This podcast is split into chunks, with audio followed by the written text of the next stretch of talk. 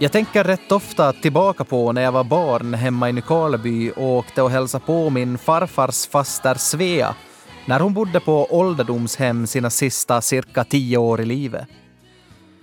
Hon var oftast en väldigt pigg person med alert humor, känd för sin glimt i öga och pillemariska uppsyn. En glimt och hållning till livet som jag ibland kan drömma om att skulle ha gått i arv till mig själv. Ibland var Svea ändå, i 90-årsåldern och i slutskedet av livet, lite råddig i huvudet.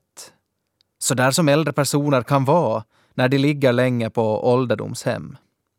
Svea visste inte alltid vem vi som kom på besök var. Och jag minns särskilt en gång när hon trodde att min tvillingbror var min faster. Det var dråpligt, komiskt och såklart sorgligt samtidigt.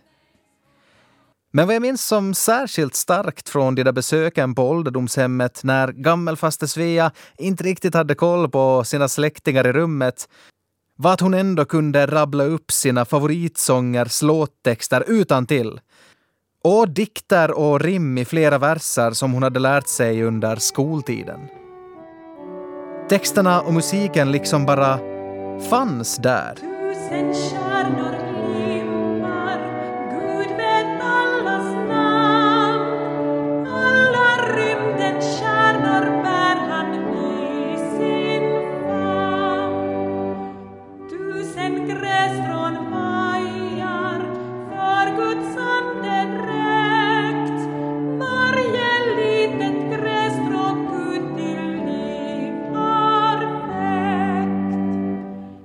Jag minns att hon lärde mig texten och att jag började be den som en slags nattbön för mig själv. På så vis repeterar jag sången varje kväll och memorerar den. Nu kan jag den också och jag hoppas texten sitter också när jag är skruttig och gammal. Salmen är förresten den svenska psalmkungen Anders Frostensons Tusen stjärnor glimmar från 60-talet. Jag läste nyligen att Frostenson dog år 2006 och att han blev nästan 100 år gammal. Jag undrar om han mindes alla ord till psalmerna han skrivit också i slutskedet av sitt liv. När jag tänker på det här och på Svea kan jag inte komma på någonting som är vackrare än människan som föds, lever och dör med musiken. Att musiken kanske aldrig lämnar oss, Trots att vi blir äldre, vi kan drabbas av sjukdomar, vi kan gå igenom hemska och tuffa saker i livet. Till sist kanske vi knappt minns vem vi är eller var vi kommer från. Men vi kommer alltid ha musiken. I det här reportaget ska jag utforska människan och musiken. Jag ska prata med både barn och äldre personer om deras relation till musik. Och jag kommer ta hjälp av en professor i neurologi som kan berätta för mig vad som riktigt händer där inne i skallen på oss människor när vi lyssnar på musik. Och så ska jag prata med en musikforskare som kan säga om det faktiskt är så att människans identiteter också formas av musiken. I det här reportaget kommer jag också, efter noga genomförd research, kunna avslöja vilket klassiskt verk som passar bäst att ha sex till. Välkommen till Dokumenterat. Mitt namn är Jonas Forsbacka. En stark inspiration till det här reportaget har jag hämtat från den svenska artisten Markus Krunegårds låt Askan är den bästa jorden när han sjunger Du kommer födas och dö och födas igen så länge du hör musiken.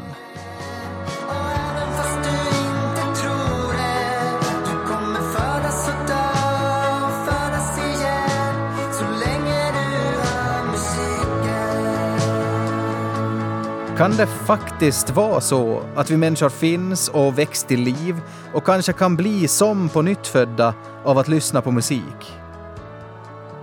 Jag hoppas så himla mycket att det är så. Och kanske, förhoppningsvis, kommer jag och du att få svara på det i det här programmet.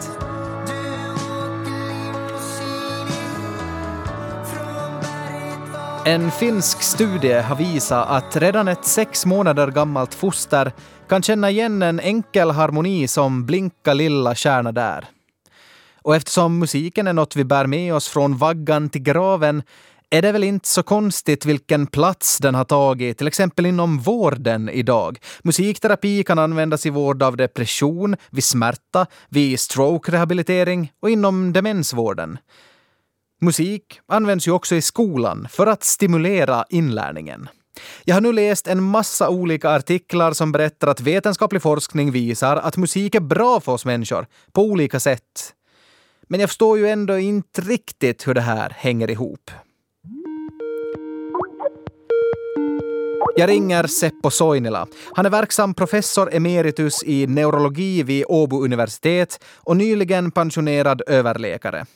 Han har bland annat forskat i musikens möjlighet att fungera som rehabiliteringsmetod av neurologiska sjukdomar och varit en av de första i världen att bevisa att musikens inverkan på rehabilitering kan hålla i sig i åtminstone ett halvår. Han vet nog vad som händer i hjärnan när vi hör musik. Så jag frågar honom, på vilket sätt kan man säga att musiken är bra för människans hälsa? Nå, om man tänker på hjärnan, vad musiken gör är att den aktiverar hjärnan ytterst vitt. Alltså det är inte bara hörsystemet, men den aktiverar också eh, kognitiva systemet, man, man brukar tänka att eh, när man lyssnar på musik man inte analyserar för noggrant. Men i själva verket hjärnan analyserar musiken hela tiden. Alltså det är kognitiv stimulans och sen det, det, musiken aktiverar emotionella reaktioner. Musiken är antingen behaglig eller obehaglig. Det, det, det, det är svårt att definiera musiken som inte har en sådan eh, emotionella eh, värde. Och sen aktiverar musiken autonomiska nervsystemet, alltså beroende på musiken naturligtvis. Musiken kan vara stimulerande eller kan vara lugnande, men om vi, antingen eller. Men den påverkar eh, blodtryck, puls, hur tät man andas, eh, sådana saker. Alltså om man lyssnar på lugnande musik är det en bra metod att slappna av. Ta bort stress efter arbetsdagen eller vad som helst. Hjärnan påverkas alltså på väldigt många olika sätt när vi hör musik. Musiken påverkar våra känslor och kognitiva funktioner såsom minnet, inlärningen eller beslutsfattande. Och så kan musik göra oss lugna. Musik kan ju också vara den enda drivkraften som på riktigt funkar för att få mig att ens kunna tänka mig att gå ut och jogga. Hur gör folk som joggar utan musik i öronen? Varifrån får de kraften som behövs? Seppo Soinila säger också att centrumet för tillfredsställelse, också känt som vårt belöningssystem, inuti hjärnan aktiveras av att vi lyssnar på musik. Det gör att vi kan bli fyllda av endorfiner och börja känna oss energiska eller nöjda efter att vi har lyssnat på musik. Precis som känslan när man äter en stor portion god mat när man är hungrig, eller som känslan efter ett hårt träningspass. Alltså det, den där belöningscentrum som, som aktiveras ytterst. Allmän eh, cirkulation i hjärnan stimuleras genom att lyssna på musiken. Alltså det har flera äh, olika mekanismer och kanske en av de viktigaste är att äh, musiken var en mieliala minnestillstånd kanske. Alltså det förbättrar, den, den orsakar positiva erfarenheter hur man känner sig. Alltså det är alla de där olika mekanismer som tillsammans gör det att musiken har kraftigt starka positiva påverkan och om man gör det regelbundet betyder det naturligtvis att eh, man erfar mindre stress som måste vara gynnsam på hälsotillståndet i allmänhet. Inom ämnet neurologi har musikens effekt främst forskats i hos patienter som haft hjärninfarkt eller insjuknat i Parkinsons sjukdom eller minnessjukdomar som till exempel Alzheimers sjukdom. Hos dessa grupper har man på ett övertygande sätt kunnat bevisa att musik har en gynnsam inverkan på rehabiliteringen. Seppo Soinila berättar att demenssjuka personer fortfarande kan komma ihåg sina favoritsånger och låttexter utantill för att centret i hjärnan där musiken lagras påverkas sist av alla vid till exempel Alzheimers sjukdom. Seppo Soinila berättade också en annan intressant sak under vår intervju. Att vuxnas och barns hjärnor fungerar på olika sätt. Och att på grund av att barn är mera gränslösa och agerar mer på sina impulser och känslor än vuxna är det till och med svårare att överhuvudtaget forska i frågan vad som händer i barns huvuden när de hör musik. Så det tycker jag då känns som en lämplig utmaning för mig.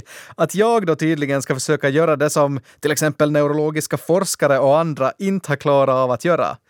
Att försöka ta reda på vad som händer i barns hjärnor när de hör musik. Jag har inte barn själv, men min fördom om barn är att de är äkta, ärliga. Att de oftare än vuxna säger vad de på riktigt tänker på. Och att det här kanske också skulle kunna reflekteras i deras syn på musik. Kanske har barn inga pretensioner sådär som vuxna håller på. Inget sådant som guilty pleasures, att man lyssnar på vissa artister eller låtar för att man gillar dem, men så berättar man inte det åt andra för att man skäms för att de inte är kreddiga eller coola nog. Kanske lyssnar en femåring på precis den musik hen gillar. Och så spelar det ingen roll om det är svår och smal indiepop eller oängslig könsrock. Eller ja, könsrock kanske inte barn ändå ska lyssna på. Nu när jag tänker efter, kanske inte någon borde lyssna på könsrock längre. Vi ska på Hultsfredsfestivalen, jag ska skrika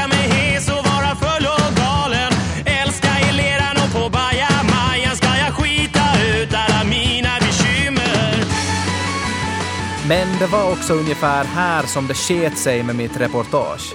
Och det är absolut inte barnens eller barnens föräldrars fel, det är mitt fel. Jag fick inte barnen att öppna upp och känna sig trygga och avslappnade nog. Mitt jobb var bara att ställa frågor och få dem att svara, men jag lyckades inte med det. En ruggig och regnig måndagkväll när jag tog mig till musiklek vid musik och kulturskolan Sandels i Tölö i Helsingfors träffade jag Milo och Sofia och då lät det så här.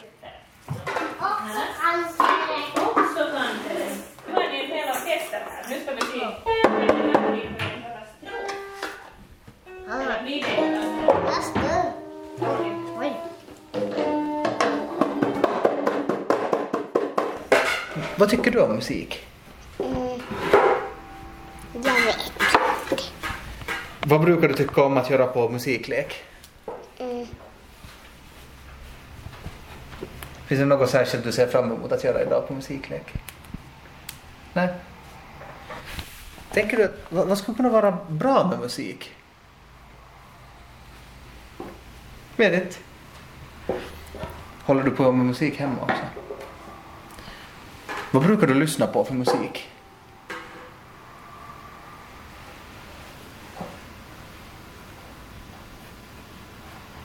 Kan det vara lite vad som helst?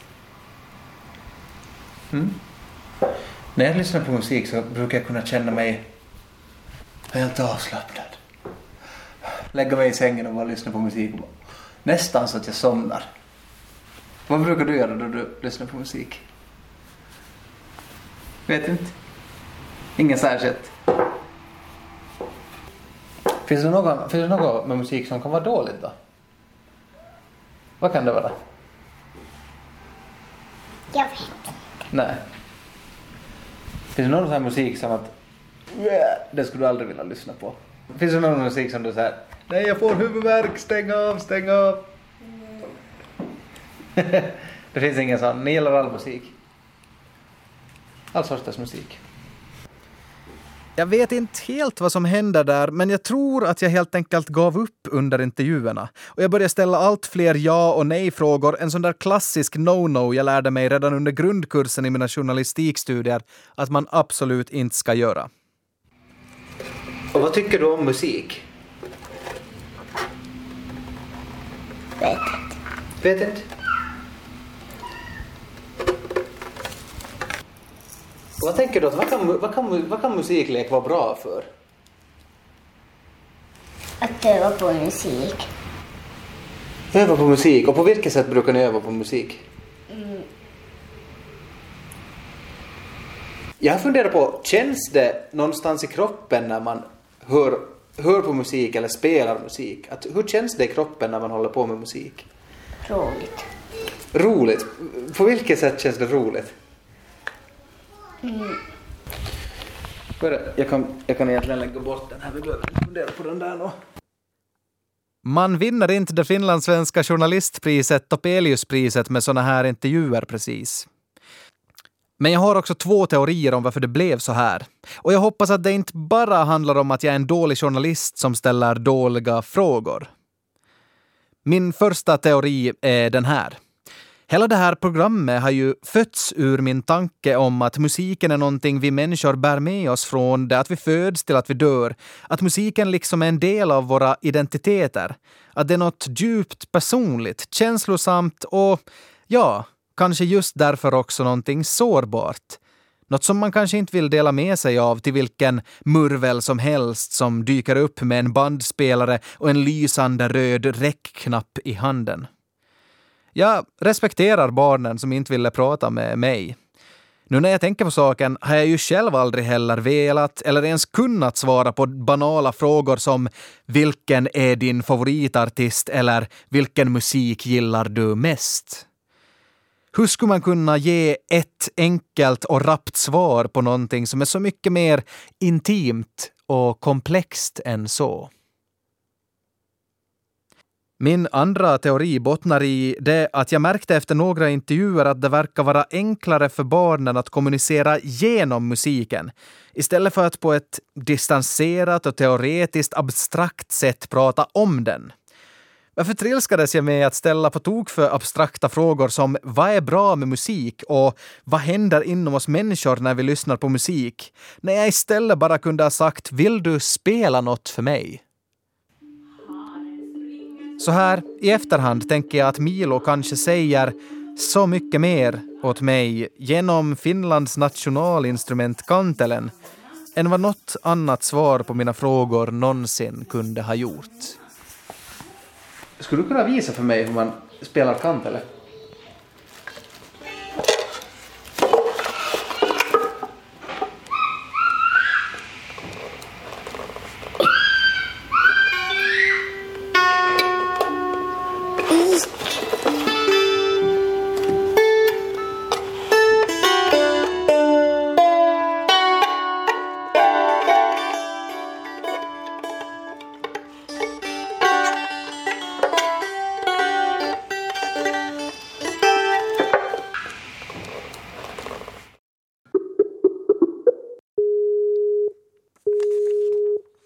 Hej, jag heter Johannes Brusila, jag är professor i musikvetenskap vid Åbo Akademi. När jag ringer Johannes Brusila är jag kanske främst nyfiken på att bredda bilden av hur musiken faktiskt hänger samman med oss människor och våra identiteter och vårt välbefinnande. Det kan väl inte bara vara så att musiken är bra för oss människor eftersom att det händer bra grejer inuti våra hjärnor rent neurologiskt när vi sysslar med musik? Människans relation till musiken kan väl ändå inte bara vara biologisk och neurologisk? Jag frågar Johannes på vilka sätt vi kan se på musiken som en kulturell, social företeelse. Uh, nej, jag tror att helt om vi tänker oss sådär i vardagligt tänkande och vardagligt tal så har jag svårt att säga att musik inte skulle vara en kulturell företeelse. Vad, vad skulle det vara om det inte skulle vara en kulturell företeelse? Men när man som musikforskare säger att jag har den här infallsvinkeln så är det helt enkelt fråga om det att det, det är det här perspektivet jag intresserar mig för. Man kan ju ha väldigt många andra perspektiv och så vidare. Men i min forskning har jag främst intresserat mig för det här. Eh, man kan intressera sig för musik som ett akustiskt fenomen eller neurologiska processer eller någonting sånt här. Men för mig är det fortfarande intressant att se musik som ett kulturellt fenomen eftersom den kan ha en rätt stor betydelse i kulturen och kulturen har naturligtvis, hur vi än definierar den, en väldigt stor betydelse för musiken. Johannes Brusila berättar under vårt samtal att det inte alls är så att jag skulle vara ensam om att ha funderat på vilket sätt musiken kan vara en del av eh, människans identitet.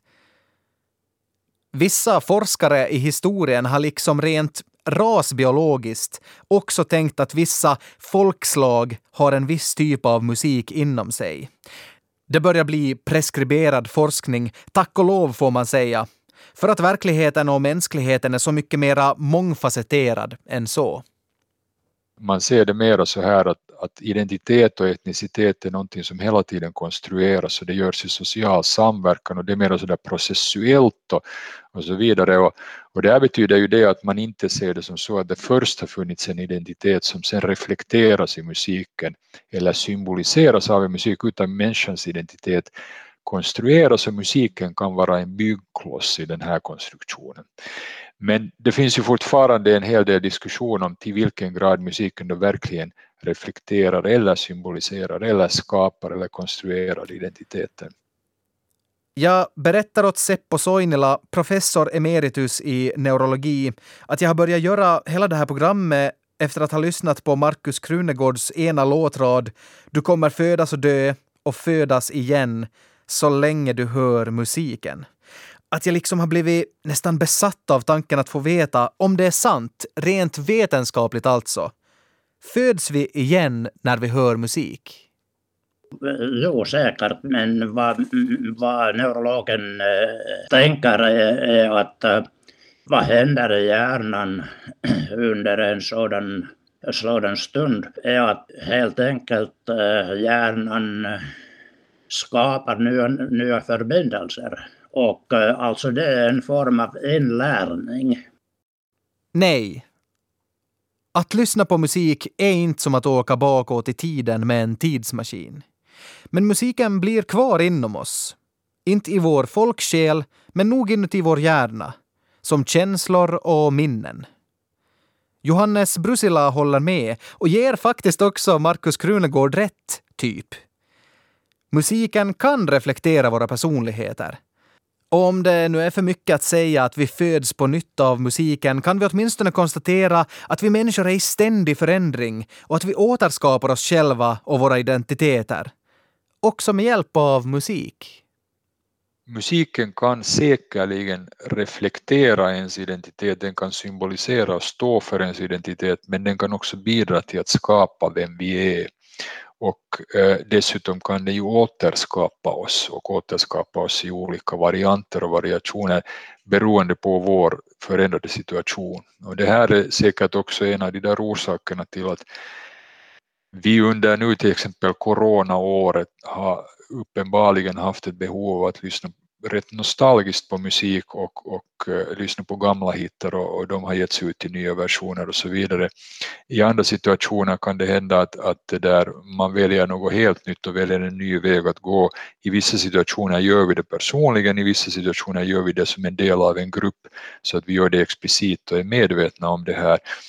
Men exakt hur det är, om den där musiken verkligen reflekterar en existerande identitet eller skapar den eller något sånt så, så det, där, det är ju mer en sån där höna och äggfråga sen, att vad kom först? Men, men de är ju ofta väldigt nära anknutna de här. Sen slår det mig att man ju också kan tolka Markus Krunegårds citat betydligt mera bokstavligt. Kanske menar han att vi människor ju kommer födas, börja skolan, kanske konfirmera oss, ta studenten, gifta oss, döpa våra barn och sen begravas och att vi under alla dessa stora och kritiska stunder i våra liv kommer att höra musik, oavsett om vi vill det eller inte. De här övergångsriterna är, väldigt viktiga, det vill säga det här när människan går vidare i sitt liv från ett steg till ett annat, till exempel födsel, sen dop. Eh, skolan har, har en viss eh, repertoar, militären har sin egna, egna det där, eh, repertoar och, och det där studentlivet har vissa saker, bröllop, begravningar och så vidare, alla de här har det. Och de fyller ju alltid en sån här viss estetisk funktion och det är njutning och, och det är underhållning och allt möjligt sånt här. I vissa fall kan det inbegripa den här fysiska responsen för man förväntas ju dansa och så vidare. Eh, men, men de där ramverken kanske ändå styrs ganska långt av det här sociala, och kulturella och det är just via det här som, som den där musiken får en sån där viss ger en viss kontinuitet och stabilitet som vi också kräver av, av liksom det som händer när vi är själva i den där situationen. Vi, vi liksom förväntar oss det nästan att, att, att gå på en studentdimension där det inte sjungs studentsånger, det känns väldigt konstigt. Uh, att gå på en begravning där det inte finns någon musik alls eller bröllop eller något sånt här, det, det, är, liksom, det är ju ett, ett märkvärdigt ställningstagande om någon har valt att det inte ska finnas musik där.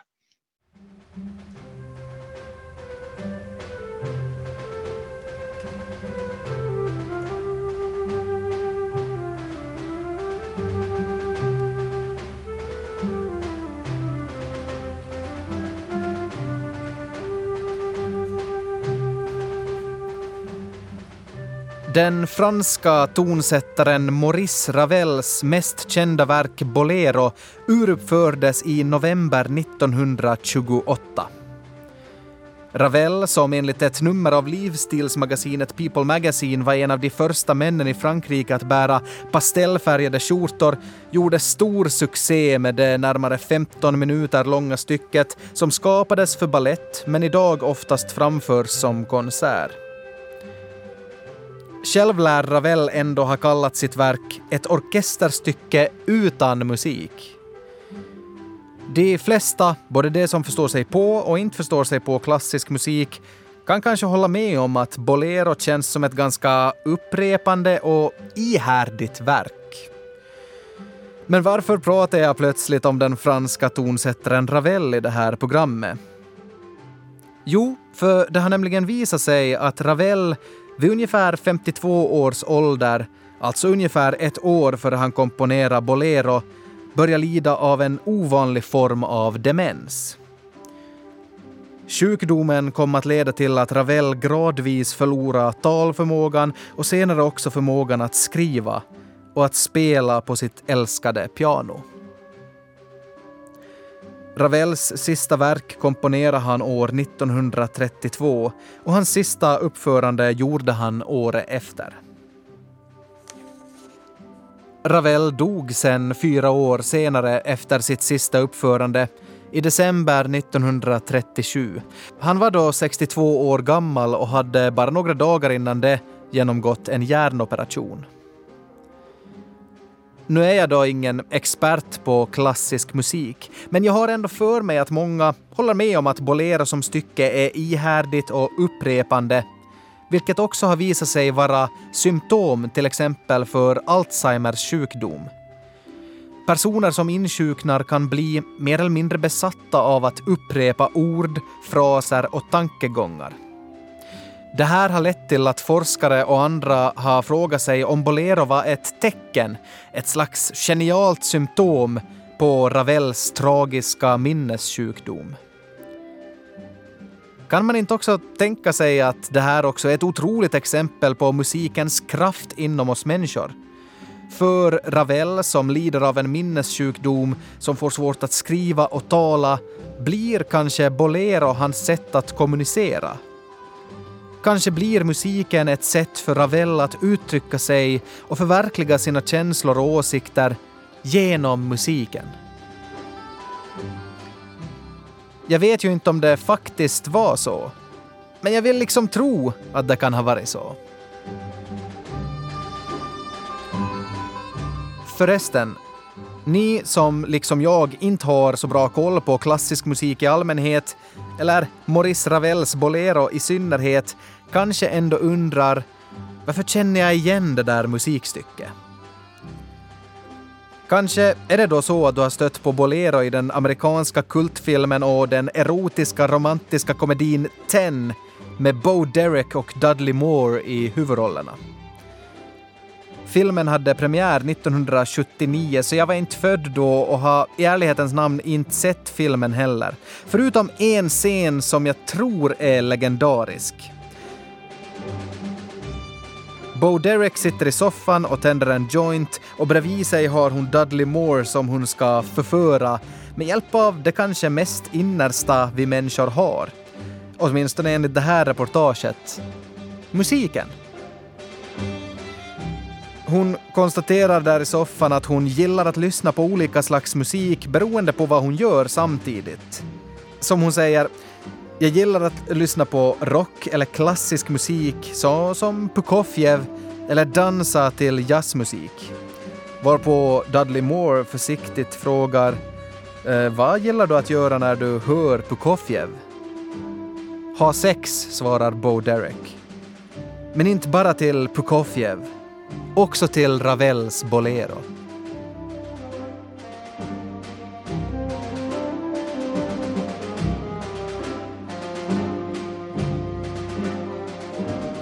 För en person kanske Bolero är ett tråkigt, enkelspårigt, klassiskt verk som bara äldre personer gillar.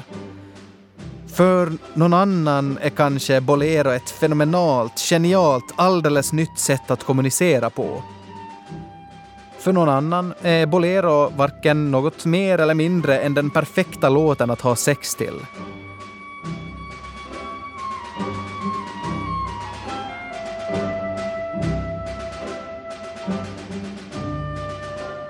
Uh, ja, men tillbaka till dig då. Vad säger du, Johannes Brusila?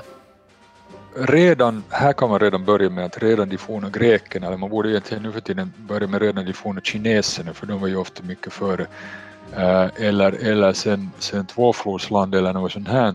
Men, men poängen är ju den att, att till exempel Platon och Konfucius och menar att musiken kan påverka människan och eh, därmed också samhället, liksom, samlevnaden och, och ordningen och så vidare. Och därför är det viktigt att man så att säga de facto också utsätts för ett slags musik. Men det där, den där tanken är väl helt vardaglig att, att musiken påverkar människan och, och så vidare, den har en viss betydelse. Uh, och, och, i takt med en sån här viss psykologisering av samhället och samhällsdebatten så har det ju blivit nästan som ett slags mantra. Och ett utslag av det här är till exempel det här att finlandssvenskar är glada och lyckliga för att de sjunger i kör det är väldigt problematiskt så forskningsmässigt att verifiera något sånt här. Alltså, för det första är det att finlandssvenskarna skulle sjunga väldigt mycket i kör jämfört med andra. Eh, men också det där sammanhanget, alltså blir man lycklig av att sjunga i kör eller är det kanske så att de som är lyckliga går med i kör och sjunger. De som, har det, de som, är, de som är helt utslagna kanske inte de som går med i en kör och börjar sjunga där och så vidare. Det som det, som det där eh, också ofta återfinns är tanken om att ända sedan Platon att, att det där i och med att musiken då verkligen kan, kan skapa grupp och, och, och allt möjligt sånt här så, så är det då väldigt viktigt för samhället att fundera på vad man, vad man sysslar med för musik och vem som kontrollerar den och så vidare för att man kan ju kontrollera och så vidare. Redan Platon har den här tanken att, att ungdomen, eh, man måste se till att ungdomen inte lyssnar på fel slags musik och, och, och, att man ondgör sig över, över den här aspekten av det här. Och det här betyder ju att, att eh, tanken om musikens påverkan betyder ju naturligtvis också det att, att det, där det finns risker. Det finns risker med fel slags musik och kontrollbehov och allt möjligt sånt här. Så att eh, det är väl lite på gott och ont som man har tyckt då att, att det där musiken kan vara bra för att skapa grupp och, och, och, och bra för den enskilda människan och för gruppen och så vidare. Det är alltid tvegat svärd egentligen. Tidigare i det här programmet intervjuade jag bland annat barnet Milo som är drygt 20 år yngre än vad jag är. Jag är 26 och eftersom jag är intresserad av att undersöka människans relation till musik är det ju något som saknas här. Jag behöver prata med någon som är äldre än jag själv är. Därför ska jag nu åka och träffa Rea Anner. Hon är pensionerad diakon och reklamgrafiker och ska fylla 76 år och är alltså 50 år äldre än jag är och därmed också 70 år äldre än Milo. Vi pratar alla om musiken med varandra på olika sätt. Och om inte det ger perspektiv så vet jag inte vad som gör det. Jag minns att det där att, att måste sjunga ensam har ju varit en skräck för nästan alla. Och då fick man sitt vitso när man med darrande röst försökte sjunga någonting. Och tills vi kom på det, jag tror det var på sista mellanskoleklassen, som min väninna och jag gick fram till läraren och sa att får vi sjunga tillsammans? Och vi hade varit med i en verksamhet där man sjöng väldigt mycket. Och för all del, sa läraren, sjung då. Och vi kunde klämma i med alouette och vi sjöng den på vad vi tyckte åtminstone en perfekt franska och med svung och med höga röster. Och, och det där gick ju hem till lär, hos läraren direkt så vi fick båda direkt nio i sång. Bedömdes ni baserat på er sångprestation? Inte den, liksom... den där enda sångprestationen vi hade, det var den vi bedömdes på. Och när man ensam skulle stå och sjunga så var man nervös. Det är klart rösten kunde inte komma fram. Men när vi var två så kunde vi sjunga vi kände igen liksom oss i den där situationen. Så att vi sjöng alldeles utmärkt.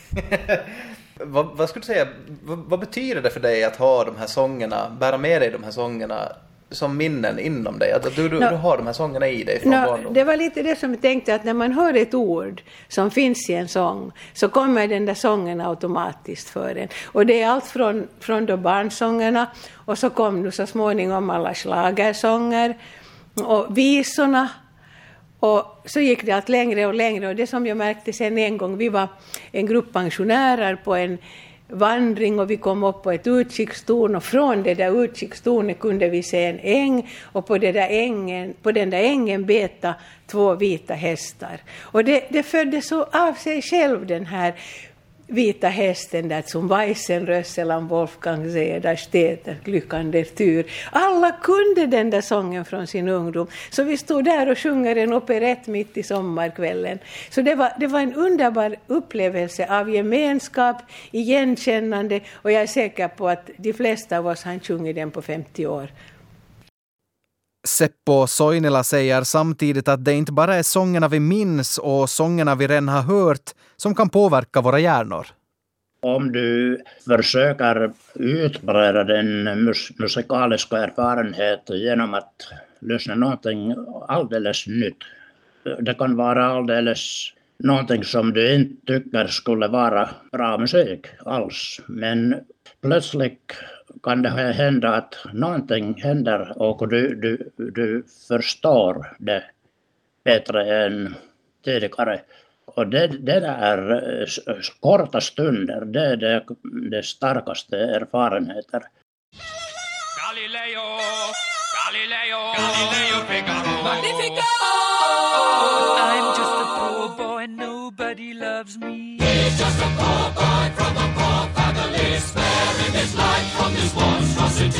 Jag minns särskilt när jag som barn gick ut på verandan där hemma och såg pappa steka plättar på den där stora svarta utomhusstekpannan som pappa alltid steker plättar på.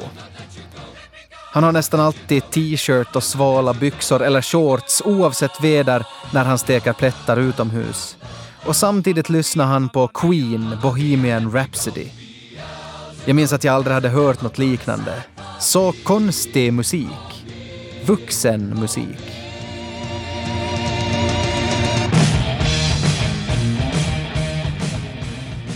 Idag kan jag knappt äta plättar utan att tänka på Queen. Och jag äter helst av allt stora plättar utomhus med bara socker på. Precis som pappa. Kanske kan det vara ett sätt att lära sig tycka om ny musik. Att äta plättar så länge man lyssnar. Våra minnen är i alla fall kopplade till musiken, oavsett om det är musik vi tycker om eller ogillar. Don't cry for me, Argentina. The truth is I never left you. All through my wild days My mad existence I kept my promise. Don't keep your distance. Jag har sett dig tidigare intervjuad i Himlaliv på Yle. Det börjar bli några år sedan, 2013 tror jag det här avsnittet släpptes. Eh, och där pratade du om en händelse som jag tänker att vi kanske skulle kunna gå tillbaka till. Eh, om vi går tillbaka till 1970-talet när du var i 20-årsåldern Ja. så flyttade du till Argentina. Kan du, kan du berätta lite kort, vad, hur hur hamnade du dit? Äh, Det med min man han var sjömanspräst och, och vi får hela familjen och vi hade en son som var tre år. Och, det som jag lärde mig där var de argentinska barnsångerna. Och dem kan jag fortfarande. Så att jag kan när som helst börja sjunga gamla barnsånger från 70-talet som jag lärde mig i Argentina för att min son hade dem i lekskolan. Vill du bjuda på något exempel? No, jag säger ju att jag inte sjunger, men vad skulle man ta? El lagarto y lagartija van juntitos a tomar sol. Eh, Du sa också i den här tidigare intervjun som jag har, som jag har tittat på att, att du inte visste någonting om Argentina för du flyttade dit Nej, och ändå hamnade där. Men du sa att, att du, du, det, det enda du hade hört om Argentina var Evita och Eva Perón. Jaha, jag, började, ja. jag började fundera i samband med det här, Ja. liksom, det behöver ju inte vara att det var så, Ja. men jag började fundera att betyder den här musikalen Evita och den musiken något särskilt för dig?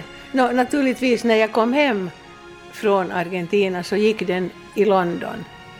Och då for vi en sommar med min son till London och det första jag gjorde var att jag beställde biljetter till den här Evita och jag måste nog säga att jag upplevde nog faktiskt allt det där på nytt och den där hela den där stämningen som var där och all, allt det där som hände det kändes plötsligt väldigt bekant. Tänk! Musiken vi har lyssnat på eller sysslat med själva kan göra att vi människor känner en särskild samhörighet till en plats eller en stund i våra liv. För Rea Annar betyder Don't cry for me Argentina från musikalen Evita någonting alldeles särskilt. Hur många särskilda känslomässiga band till tusentals olika låtar måste det inte finnas där ute? Nu blir jag nyfiken att höra dem alla. Nästa person jag möter på stan kanske har särskilda minnen kopplade till hårdrocksbandet Ghost från Linköping. Någon annan till psalmkungen Anders Frostenson. Jag tycker ändå det här är fascinerande. Lite som att vi går runt och på sätt och vis sysslar med musik hela tiden. Inte så att vi alla går och sjunger, nynnar eller spelar instrument hela tiden. Tack och lov för det. Men sådär så att musiken är en aktiv del av våra liv, inuti oss, som ett slags evigt bagage. Det här är också en sak Johannes Brusila, musikforskaren vid Åbo Akademi, tar upp när han talar om vilka slags handlingar man inom musikforskningen ofta undersöker när man tänker sig att musiken är en del av våra sociala och kulturella identiteter och gemenskaper. Ja, för vad ska vi riktigt kalla det där som händer när vi människor har glömt nästan allt annat men fortfarande kommer ihåg musiken? Finns det något ord att beskriva det vi gör när vi går runt på stan och bär med oss våra identiteter och våra alldeles egna relationer till musiken som en aktiv del av oss? När man väljer en sån här kulturellt inriktad musikforskning eh, som, som sin utgångspunkt så brukar man ofta använda Christopher Smalls uttryck som, som Lasse Liljestam har, har det där eh, försvenskat till musikande. Det vill säga musik är inte en vara, en produkt eller ett objekt eller någonting sånt här utan det är helt enkelt det är fråga om ett verb, det är någonting man gör aktivt och, och i det inbegriper ju alltså väldigt mycket olika typer av aktiviteter. Man behöver inte själv vara den som musicerar, man kan vara den som lyssnar men det, det inbegriper liksom hela det där sociala sammanhanget där det här görs, det inbegriper liksom idag allt från, från musikmedier till, till olika förmedlingssätt och sen vardagen. Så det var alltså det du gjorde där i ålderdomshemmet när du snart skulle gå ur tiden, gammelfaster Svea. När jag kom på besök och du ibland kanske inte kom ihåg vem jag var eller vilken dag det var. När du med glimten i ögat rabblade upp dina favoritsångers texter som rinnande vatten. Då behövdes ingen gitarr eller perfekt gehör. Inga pretensioner kring vilken musik som är cool eller kreddig nog att tycka om. Du musikade. Det vill jag också göra. Så länge som jag finns. Så länge vi hör musiken.